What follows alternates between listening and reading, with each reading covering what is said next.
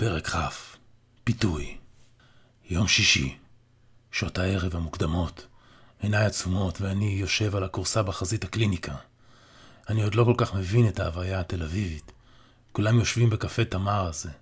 יש פה עוד המון בתי קפה מלאים באנשים.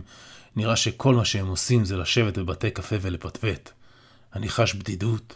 אף אחד פה לא יושב לבד. בכל שולחן יש הרבה יותר מאיש אחד. ואיפה אני בכל העסק הזה? דלת הקליניקה פתאום נפתחת. שלום אמציה. זה אמיתי, וואלה. הייתי בטוחה שעבדת עליי. קרן? אני מנסה להתעורר מההירדמות על הכורסה. כן, קרן. מה, אתה עובד בימי שישי בערב?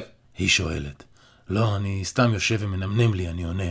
אז למה אתה לא סוגר והולך הביתה? היא שואלת. פה זה הביתה. יש לי יחידת דיור פה בפנים, אני עונה.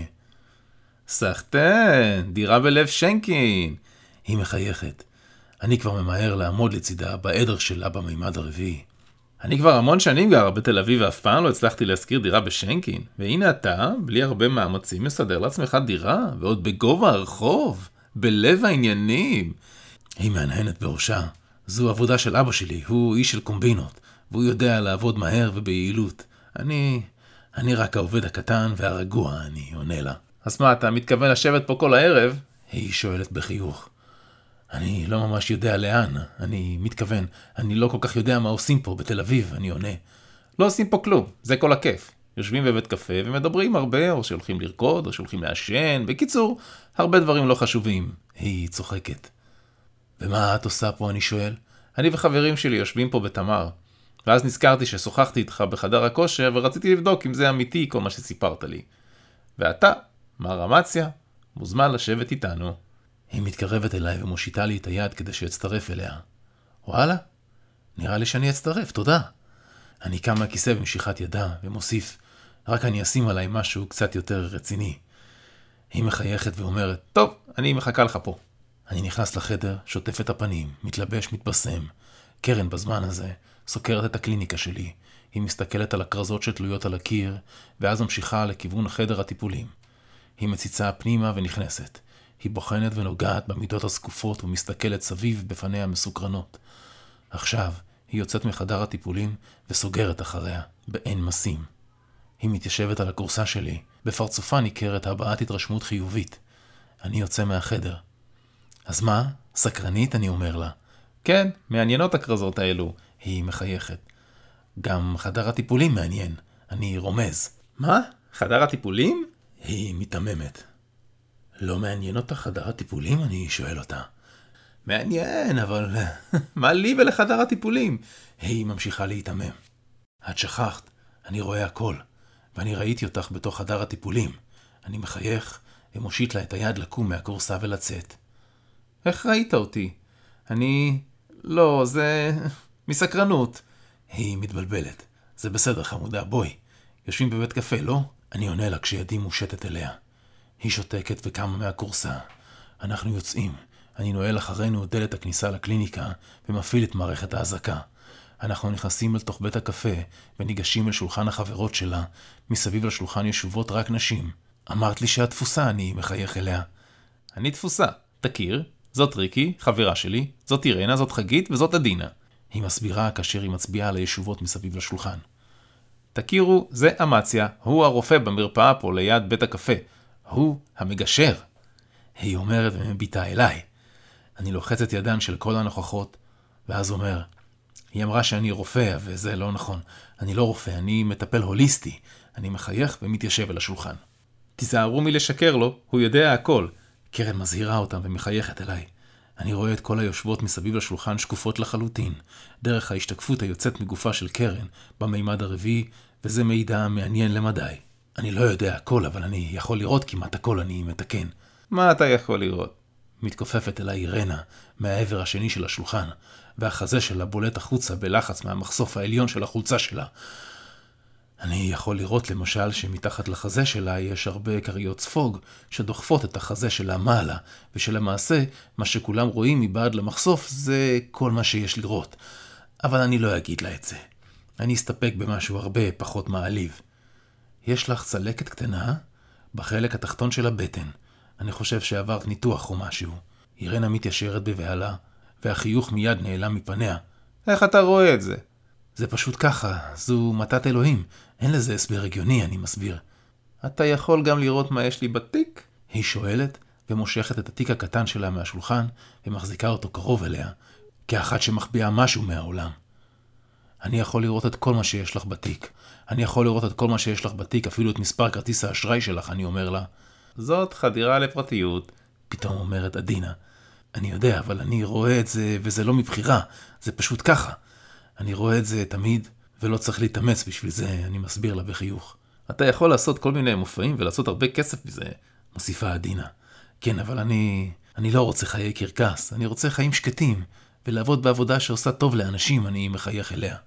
אתה מדבר שטויות. מה זה לעשות טוב לאנשים? מישהו עושה טוב בשבילך? עדינה תוקפת. צריך קודם להסתכל על עצמך. צריך להביא את עצמך למצב שאתה מרוצה מאיך שאתה מרגיש עם הגוף שלך ועם הנפש שלך. ואז הכעסים ייעלמו ממך, ואתה תרצה לעשות טוב. מי שעושה רע, הוא אחד שחושב רע על עצמו. אני מדקלם מתוך ההכנות שלי עם אבא. העדינה הזאת באמת צריכה לעבוד קצת על עצמה. היא הייתה יכולה להפסיד איזה 10 או 15 קילו לטובת הגוף שלה. איזה שטויות אלו. מה זה קשור בכלל לגוף ואיך שאתה מרגיש? היא תוקפת. אני מחייך ולא עונה. כמו באימונים עם אבא. עדי מחכה לתגובה ממני שלא תבוא. טוב, אני רוצה לאכול. פתאום אומרת ריקי ששתקה עד עכשיו. אירנה עדיין בהלם, מחזיקה את התיק שלה קרוב אליה, וחגית שנראית ממש טוב, לא חושפת שום טפח ושום מילה. גם אני רוצה לאכול, אני אומר. יש פה טוסט מצוין, אומרת ריקי. אני איתך עם הטוסט, אני מחזיר לה. אתה בסדר, אמציה. היא מחייכת אליי. אבל אותי מכל העניין הזה מעניינת יותר חגית. יש בה מעין שקט סגור, והרבה יופי. היא לא רזה במיוחד, אבל נראית טוב. הערב נמשך ואנחנו סועדים את הטוסט, שאפילו לא מזכיר את הסנדוויץ' של אמא. משהו חסר פה בתחושה של זה. במשך כל הערב, עדינה הוציאה רטונים על כמעט כל נושא שדיברנו. אירנה בחנה אותי בארבע עיניים, חגית לא אמרה הרבה. ריקי הזמינה כל פעם משהו, וקרן כל הזמן ניסתה לעצור בעדה. זה ארך המון זמן הערב. המון זמן. לקראת 11 בלילה, הן הציעו ללכת לאחת מהן לעשן משהו. אני נרתעתי מהעניין הזה וטענתי שאני עייף. ללכת הביתה לא לקח לי הרבה זמן. שבת בבוקר, אני יוצא לריצת בוקר לכיוון חדר הכושר. זה לא אורך הרבה זמן, בחדר הכושר אני מבצע מספר תרגילי בטן וכוח, וחוזר בחזרה בריצה לקליניקה. משך כל השבת לא עשיתי הרבה חוץ מלעמוד ליד סו ולהמתין להופעתו של הדוקטור, אבל כלום. אף אחד לא נכנס לקליניקה במשך כל השבת. נראה לי שאני לא אמתין לאף אחד במשך השבת. אבל מה יש לי לעשות פה בתל אביב, חוץ מלחכות ללקוחות? יום ראשון בבוקר, הטלפון מצלצל. אמציה זה ירון, מהעבר השני של הקו. הדוקטור חזר לארץ? אני שואל אותו. לא, זה סטאשה. המצב שלו הידרדר במשך הלילה, ונראה לי שאנחנו נאבד אותו לקראת הערב. הוא אומר לי בעצב. אני כבר נמהר אל סטאשה במחוז. מה, מה, מה קרה? אני אומר בקול חלש. היה לו עוד אירוע במהלך הלילה, ועכשיו המצב שלו חמור יותר ומידרדר לאט לאט. חשבתי שכדאי שתדע. אני כבר נמצא ליד סטאשה. זה טוב שאמרת לי, ירון. אני רוצה להגיע אליכם היום. יש לו משפחה בכלל שמגיעה אליו? אני שואל. כן, בוודאי, יש לו משפחה קטנה, שני בנים ומספר נכדים. אשתו נפטרה לפני כ-15 שנים, וכעבור כשנה הוא התאשפז אצלנו. אני הודעתי כבר לבנים שלו, וגם הם בדרך לפה. הוא עונה, אני מגיע, אני יוצא עכשיו. אני מנתק את הטלפון ומתכונן ליציאה. מה שלומך, סטאשה? איך אתה מרגיש? אני שואל אותו במימד הרביעי, ורואה את האור שסביבו מאוד חלש. הכל בסדר, אמציה. עוד מעט אני הולך. תבטיח לי שלא תעצור את זה עכשיו. הוא מחייך אליי. אני מבטיח סטאשה, ואני גם מקיים את ההבטחה הקודמת שלי, אני אומר לו בעצב. איך תקיים את זה, אמציה? אתה מוזר. הוא מחייך אליי. סטאשה, אתה איש טוב, ואני אוהב אותך. היום אתה תיפרד מהמשפחה שלך בעצמך, אני מסביר לו. מאיפה אתה ממציא את המילים האלו, אמציה? הוא ממשיך לחייך. יש עולם אחר, סטאשה. אתה חיית בעולם האחר עד לפני 14 שנים, ומאז אתה פה, בעולם הזה, אני מסביר לו. אתה יכול להמשיך לדבר, אמציה. זה הכל דברים לא מסודרים. הוא אומר לי, אשתך נפטרה, ואתה בחרת לעזוב את הכאב ולעבור לפה. פה היה לך טוב, אבל הילדים שלך, הם אוהבים אותך, והם רוצים להיפרד ממך. יש לך נכדים שבטח לא מכירים אותך בכלל. היום אתה תיפרד מהם. אני הבטחתי לך שאני אראה לך את הסיבה להישאר בחיים, ואני אעמוד בהבטחה הזו. אני יודע שזה מה שעליי לעשות. אני מסיים את דבריי, סטאשה מביט אליי משועשע מכל המשפטים האלו, אבל אני אעשה את זה. אני מאמין שזה מה שאני צריך לעשות. אני מאמין שזה הדבר הנכון לעשות. עברות כשלוש שעות ואני מגיע אל בית החולים. השעה 11 בבוקר, ואני מגיע למשרד של ירון. ירון קם אליי ומחבק אותי. טוב לראות אותך, אמציה. בוא תכיר את המשפחה, הם כבר פה כולם. ירון מיד ניגש לעבודה ומוביל אותי אל חדר הטיפולים. בחדר הטיפולים עומדים שני גברים מבוגרים, שנראים מאוד דומים לסטאשה, רק הרבה יותר צעירים. שתי נשים מבוגרות, שלושה נערים, שתי נערות וחייל אחד. זה אמציה, הוא מכיר את סטאשה מהעבר השני, ירון מסביר להם. הם כולם לוחצים לי את היד, ופניהם קרות למדי. נראה שאין הרבה עצב בפניהם, כאילו שהם כבר נפרדו ממנו לפני הרבה שנים. אני נעמד ליד סטאשה בחדר הטיפולים ואוחז בידו. אני מסתכל לעבר שני הגברים המבוגרים ומסביר. אני עומד להעיר את סטאשה. אני עומד להחזיר אותו אל העבר הזה, כדי שתוכלו להיפרד ממנו לפני שהוא הולך. זה קצת יהיה מורכב להבין את כל העניין הזה, אז אני אסביר את זה בפשטות הכי ברורה שיש. ישנם שני עברים לעולם החיים, ובשני העברים האלו ישנם חיים, וישנם תפקידים, ועבודה, והכול. סטאשה עזב את העבר הזה, ועבר אל העבר האחר, כנראה בגלל הכאב, כי בעבר האחר אין רגש. אי אפשר להימצא בשני העברים ביחד. אני חבר של סטאשה מהעבר האחר. אני הייתי משוגע פה, ואני עכשיו נמצא ליד סטאשה, גם בעבר האחר. אני הולך להעביר את סטאשה בגשר אל העבר הזה, והוא יתעורר פה. החיים פה הם יותר קשים משם, והוא יחוש הרבה כאב בליבו ובגופו כאשר יתעורר לעבר הזה.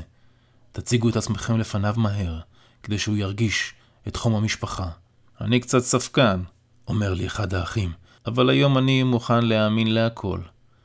אני מסתכל על סטאשה במימד הרביעי ואומר לו, תהיה מוכן סטאשה, אתה עומד לפגוש את הבנים שלך. אני מכניס את היד לתוך שדה הכוח החלש שלו, ובעולם הרגיל אני מותח את ידו הרחק מגופו ומוביל אותה אל ידי במימד הרביעי.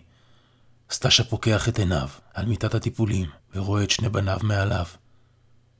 אבא, קורא אליו אחד הבנים. ראובן? סטאשה עונה לו בקול חלוש. כן, אבא, זה ראובן. עונה לו בנו, הוא מתחיל לדמוע. גם אני מתחיל לדמוע. איך אתה מרגיש, ראובן? מה שלום איציק? סטאשה שואל בקול חלוש. הנה הוא, תראה איך הוא גדל. עונה לו ראובן ומושך לפניו את הבחור החייל. זה איציק? איך הוא כזה גדול? ואיך אתה מבוגר? וגם שמעון מבוגר? ומי כל הילדים האלה? סטאשה שואל בקול חלוש. אלה הנכדים שלך. עונה לו הבן השני, שמעון. הנכדים שלי? שרה, היא איננה. אני עכשיו זוכר. כואב. סטאשה מתחיל לדמוע, ופניו מלאות בכאב. הכל בסדר, אבא. אתה איתנו פה, באנו להיפרד ממך. אמא איננה, היא מתה לפני 15 שנה. אומר לו שמעון. אנחנו ממשיכים, אבא, אל תהיה מודאג. תראה כמה חיים יש פה מסביבך. זה הכל ממך, אומר לו ראובן. ממני? הכל ממני? איך גדלת, איציק? נהיית חזק. חייל בצבא. כמו אני הייתי פעם בפלמ"ח. סטאשה מחייך בפניו, ועדיין מלאות בעצב וכאב. אבא, תראה את שאר הנכדים. אבי הקטן ונועה הם הילדים של שמעון, והגדולים יותר הם אלו שלי. חיים, שרה ויוסי. אומר לו ראובן, ומצביע אחד-אחד על הצעירים. שרה? שרה? שרה. אומר סטאשה, ומביט אל שרה, הבחורה הצעירה. יפה כמו סבתא שלה. כל כך דומה לסבתא. אומר סטאשה ומתחיל שוב לדמוע. הוא עוזב את ידו מידיו של ראובן, ומתקרב לגעת בפניה של שרה. שרה מביטה בו בעצב רב, ומחזיקה את ידו הנרפאת ועוזרת לו להניח אותה על פניה. שרה שלי, שרה. הוא אומר לה ומלטף את פניה. כן, סבא, אני שרה שלך. אני שרה, הנכדה שלך. היא אומרת לו ופורצת בבכי. אני כבר לא מחזיק את עצמי. אמא שלה מחבקת אותה מאחור ודומעת ביחד איתה. ראובן מלטף את ראשו של סטאשה ואומר, אבא, איפה היית, אבא? רציתי שתראה את הנכדים גדלים, רציתי שתראה את הבית שלי, רציתי שתהיה גאה. אני גאה, אומר סטאשה. אני גאה בשניכם, על שהמשכתם, על שעמדתם בכאב. אני הייתי במקום אחר, במקום שקט, בלי כאבים. אמציה הביא אותי לראות אתכם, אבל הוא שם, הוא לא פה. אני פה, אני אומר לו, ומלגב את דמעותיי בידיי הפנויה. איך אתה פה, אמציה? הוא שואל בפליאה. אני כל הזמן הייתי פה, וגם אתה. והילדים שלך, כל הזמן, גם היו פה וגם שם. על זה דיברתי איתך, אני מסביר לו. סטאשה לוחץ לי את היד ולא אומר מילה. ראובן מלטף את ראשו. אני הולך. הוא משתעל בחולשה. תשמרו על עצמכם. אומר סטאשה בקול חלש מאוד, ואט אט עוצם את עיניו. פני הכאב שלו מאבדים את הבעתם, ואחיזת ידו מאבדת את כוחה. אני מניח את ידו בחזרה על המיטה. במימד הרביעי עוד נותר מעט אור מגופו של סטאשה. הוא מביט בי ואומר לי בלי קול, להתראות, אמציה. תודה לך על הכל. אני עכשיו מבין הכל. אני מבין הכל. להתראות סטאשה, אני אומר לו, ומלטף את ראשו חסר החיים, המונח על מיטת הטיפולים. האור נעלם מגופו של סטאשה במימד הרביעי, ואנטוניו מגיע אליו לאסוף את גופתו באופן מסודר על בית הקברות. הוא הלך, אני מודיע למשפחה. ירון מתקרב אליי ואוחז בכתפי. טוב עשית, אמציה. תודה לך, אמציה. אומרים לי כל בני המשפחה ולוחצים את ידי. אני יוצא החוצה מחדר הטיפולים עם ירון והולכים אליו למשרד. ההלוויה היום, בשעה ארבע אחר הצהריים בנתניה. אני נוסע לשם ואחר כך ממשיך לתל אביב. אתה יכול להישאר פה ואז להצטרף אליי, מודיע לי ירון. אני אבוא איתך, אני אומר לא. שעת ערב, ואני מגיע אל הקליניקה שלי בשנקין. אני יושב מאוהר על הכורסה וחושב על מה שעשיתי. ההלוויה הייתה מאוד שקטה. לא היה שם הרבה בכי, אבל היה מאוד מכובד.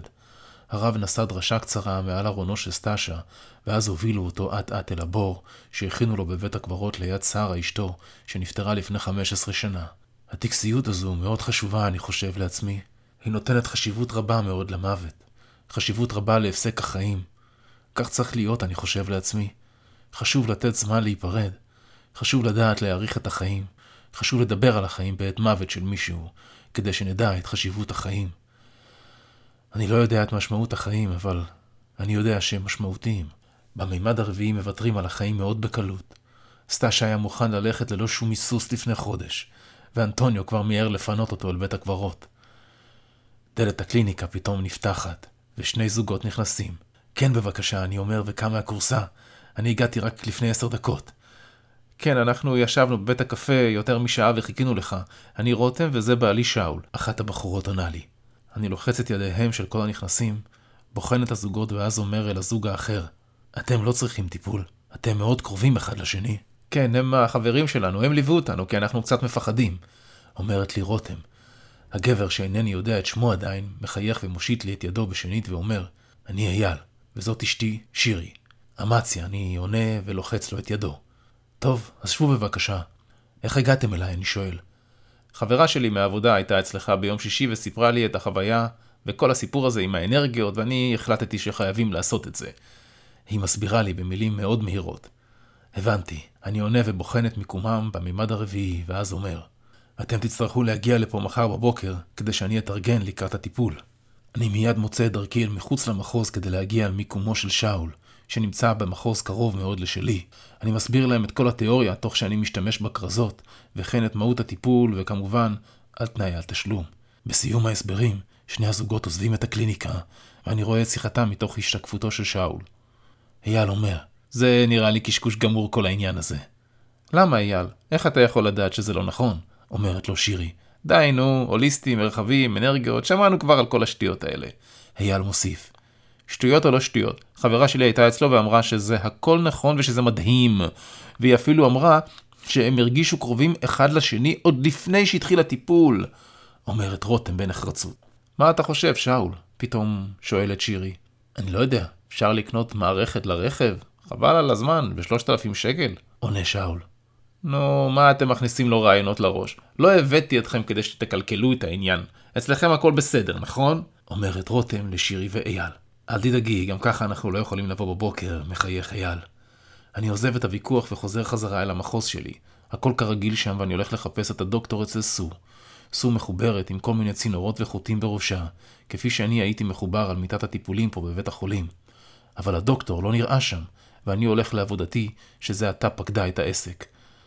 כל השבוע עובר במשיכה אחת ארוכה של לקוחות רבים, ששמעו מלקוחות אחרים, ששמעו ממישהי שפגשה אותי בבית הקפה, שראתה אותי מדבר עם מישהו אחר בחדר הכושר. שבוע עסקים מצוין, עם הרבה טיפולים והרבה כסף לקופה של הקליניקה. כך גם עובר השבוע השני והלקוחות פוקדים את המרפאה וקובעים תור למספר ימים מראש. אני נראה כבר ממש טוב ושרירי, אני בכושר מצוין ומרגיש מצוין, ונהנה מכל רגע בעבודה. הבעות הפנים של הלקוחות המרוצים, העושר המתפרץ מתוך הזוגיות של הלקוחות, וכמובן, כמות השטורות שבכספת הקליניקה.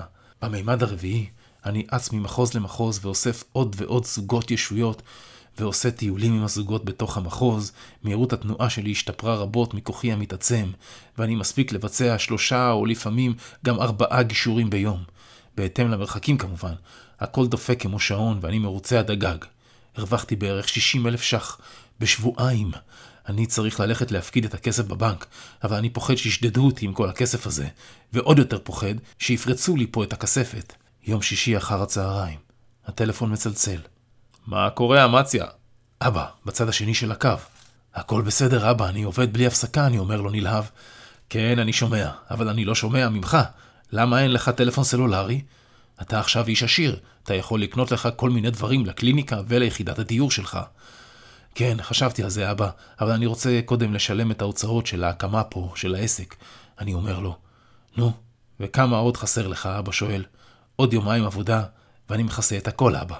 אני עונה מרוצה מעצמי. ואז תבוא לבקר את ההורים שלך קצת, אבא אומר בתוקף. יום חמישי בערב אני אבוא, אבא. אני אסגור מוקדם, אפקיד את הכסף, ואצא אליכם, אני קובע. דלת הקליניקה נפתחת, ודרכה נכנס דוקטור הרדוב. אבא, אני צריך לסיים. אני אומר אל הצד השני של הקו. טוב, בסדר, בן. נחמה שאלה עליך, וגם רבית חיפשה אותך. אז נתראה ביום חמישי, כן? אבא שואל. כן, אבא, יום חמישי. אני עונה ומנתק את הטלפון. מה שלומך, אמציה? מחייך אליי דוקטור הרדוב, ומתיישב על הכורסה הזוגית. אפשר לעשן כאן? הוא שואל. אני תולה שלט סגור על הדלת, מבפנים, ומתיישב על הכורסה. אסור לעשן כאן, אני מקבל פה לקוחות. דוקטור ארדוב מחזיר את קופסת הסיגריות שהוציא מכיסו אל הכיס ואומר, אז מה? המגשר? ומחייך. כן, כן, המגשר. זאת עבודה מכובדת. מה אתה עושה פה? אני עונה בכעס. אני יודע מה אתה מסוגל לעשות, ואני יודע שכל הרפואה ההוליסטית הזה והאנרגיות שאתה מוכר לאנשים זה הכל שטויות. הדוקטור מחייך, ואז מתכופף אליי וממשיך. אני יודע שיש מימד רביעי, ואני יודע שהכל זה סיפור כיסוי לטיפשים שלא מסוגלים להבין מה זה מימד רביעי. על מה אתה מדבר, דוקטור ארדוב? אני עושה עצמי תמים ויודע שאין דרך לצאת מזה בלי האמת. אני ראיתי את מה שעשית עם ירדנה בבית החולים, וגם שמעתי את השיחה שלך עם ירון בקפיטריה, ואפילו ראיתי את מה שעשית עם ירון ואשתו בחדר הטיפולים, שזה בערך מה שאתה עושה פה. הלא כך? מחייך אליי הדוקטור. טוב, אז מה אתה רוצה? ומה עשית בתאילנד אצל סו? אני שואל בתקיפות. ראית בטלוויזיה? הדוקטור שואל. ראיתי במימד הרביעי את הצינורות, אני עונה לו. כמו שחשבתי. מה היא עושה שם, סו, במימד הרביעי? הדוקטור שואל. מה אכפת לך? מה היא עושה שם? אתה הרי רוצה רק להחזיר אותה לפה. אני תוקף אותו. לא אני אחזיר אותה לפה. אתה תחזיר אותה לפה. אני רק מתווך. הדוקטור מחייך. אני לא אחזיר אותה לפה אם היא לא מוכנה לזה, אני אומר לו. למה? יש לך איזה קשר מיוחד איתה? הדוקטור שואל. זה לא קשור בכלל. אם יש לי או אין לי קשר איתה. אנחנו לא צריכים להתערב בדרכו של הטבע. מי שמודע למימד הרביעי, שם הוא צריך להיות. ומי שמודע למימדים האלה, הוא צריך להיות. אני אומר לו בכעס. אבל אתה כבר שיחקת בלהיות אלוהים עם ירדנה, הלא כך אמציה. מביט אליי הדוקטור במבט חודר. זאת הייתה טעות, ואני לא אעשה את זה יותר, אני קובע. ומה עם סטאשה? שמעתי שגם עם סטאשה עשית את זה. הדוקטור ממשיך במבט החודר שלו. סטאשה עמד למות. זה כבר לא היה משנה באיזה צד הוא נמצא. וזה היה לטובתו של סטאשה, אני קובע. וכל הלקוחות שלך פה, זה לא לשחק בטבע? הוא ממשיך בעקיצות שלו. אני לא משאיר אותם בצד השני של הגשר. הם חוזרים חזרה לעבר הזה של הגשר, והם מבקשים את זה, הם משלמים על זה, אני עונה לו. אז אם הם משלמים על זה, אז זה בסדר? מחייך אליי הדוקטור. אני לא משאיר אותם בצד השני של הגשר, אני עונה בתקיפות. תשמע, אתה מרוויח פה לטיפול 3,000 ש"ח. ביום אחד אתה מטפל בדרך כלל בשני זוגות, לפעמים בשלושה ולעיתים רחוקות בארבעה. אתה עובד חמישה ימים וחצי בשבוע, ואתה נשאר פה כל הזמן. הדוקטור מסביר, ואני ממתין להמשך. אני מציע לך טיול בחינם לתאילנד. תצא, תראה עולם. תקבל כרטיס כניסה אל ביתו של מלך תאילנד. אתה תהיה איש מאוד מכובד בתאילנד ובכל המזרח. הוא מסביר ובודק אם אני מקשיב. ובנוסף לכל זה, תקבל שתי מיליון דולר, בלי מיסים. פה ייקח לך שמונה שנים להגיע להון כזה בקליניקה. לא חבל על כל הזמן הזה שתוכל בו לגור בבית מפואר ברמת אביב? הדוקטור מחייך אליי בחיוך מתנצח. זה לא אותו דבר, וכסף זה לא הכל. אולי לך אין כבוד עצמי, אבל לי עוד נשאר קצת. אני אומר, כועס וקם מהכורסה. הדוקטור מחייך אליי וקם אף הוא. הוא מוציא את קופסת הסיגריות מהכיס ושולף סיגריה אחת בין אצבעותיו. תחשוב על זה, אמציה. אני אדבר איתך לקראת סוף השבוע. תהיה קצת קליל, תפתח את הראש. אל תהיה סגור כזה. תחשוב על מה שמגיע לך, על היכולות שלך. הדוקטור מדליק את הסיגריה, לוקח נשיפה, פותח את דלת הקליניקה ויוצא החוצה. בתוך המרפאה נותר ריח קל של עשן. אני נועל את דלת הקליניקה ומתיישב על הכורסה. אני ממהר להגיע אל הדוקטור, עכשיו, שאני יודע איפה הוא. אני אאסוף אותו אליי למחוז כדי שיהיה לי קל לעקוב אחריו. יש לי עוד מספר לא מבוטל של ישויות לאסוף על הדרך, לקראת טיפולים ביום ראשון. זה ייקח לי לא מעט זמן לאסוף את כולם אליי למחוז. שעות חולפות. תאילנד נשמעת לי כל כך יפה, כניסה אל ארמון המלך נשמעת לי כל כך מפתה. הכסף הכי פחות מפתה אותי עכשיו. גם ככה אני מרוויח פה יפה מאוד. אבל לעשות חופשה במזרח, ולהיות איש מכובד, איש שמעריכים את התרומה שלו, לא סתם אמציה חמציה המגשר מאיזה קליניקה ברחוב שנקין. אולי הדוקטור צודק בכל מה שהוא אמר על ההתערבות בטבע. אולי כל מה שאני עושה בטיפולים זה אסור. אולי אני עובר על חוקים שהם לא נמצאים בכל ארבעת המימדים. אולי מישהו בוחן אותי במימד חמישי, ואז גם יעניש אותי.